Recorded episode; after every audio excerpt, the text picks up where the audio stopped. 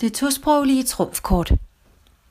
Som barn af en italiensk far og en dansk mor, der i øvrigt talte flydende italiensk, før hun overhovedet mødte min far, er jeg vokset op i et tosprogligt hjem, det vil sige et hjem med dobbelt op på muligheder for at udtrykke sig. Det var ikke sådan sat i system, at min mor kun talte dansk og min far kun italiensk, han sige venetiansk dialekt. Snarere var der tale om et acceptabelt mix og ordvalg af det, der lige kom først til en – sådan at en sætning kunne indeholde både danske og italienske ord, eller endnu værre, danske ord med italienske endelser og andre mærkværdigheder.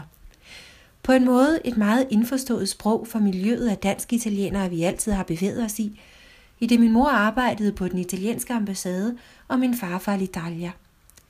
Udfordringen var så at begå sig på udelukkende et af sproget uden for vores lille familie.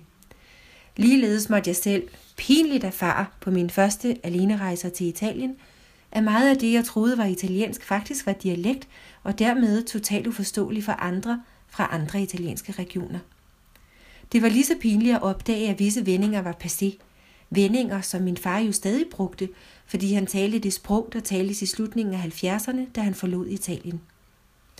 Pinligheden førte vel uundgåeligt til, at jeg satte mig for at studere italiensk og sidenhen blev kaldling mærk og statsautoriseret translatør.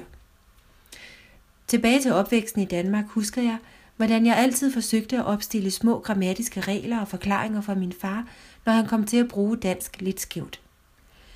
I en tidlig alder trænede jeg, uden at ane det, evnen til at skabe sammenhæng og overblik over to sprog i komparativ sammenhæng. Hvis min far for eksempel kom til at sige ikke i stedet for vel, gik lille Laura i tænkeboks og fandt ved hjælp af en masse eksempler på begge sproglige situationer ud af, at ikke bruges afsluttende i bekræftende sætninger og vel dito i benægtende sætninger. Og så fortalte jeg glad min far om mine sproglige opdagelser og mærkede stor glæde ved at kunne formidle sådan et budskab.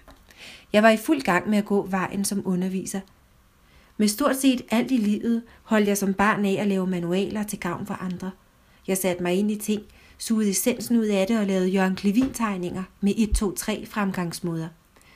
Og sådan blev det så, at jeg i dag som voksen lever af at formidle essenser og sammenhængen til andre voksne i form af min italiensk undervisning. Jeg lever af det, der falder mig naturligt og let for, trækkende på et livs erfaring med voksenundervisning.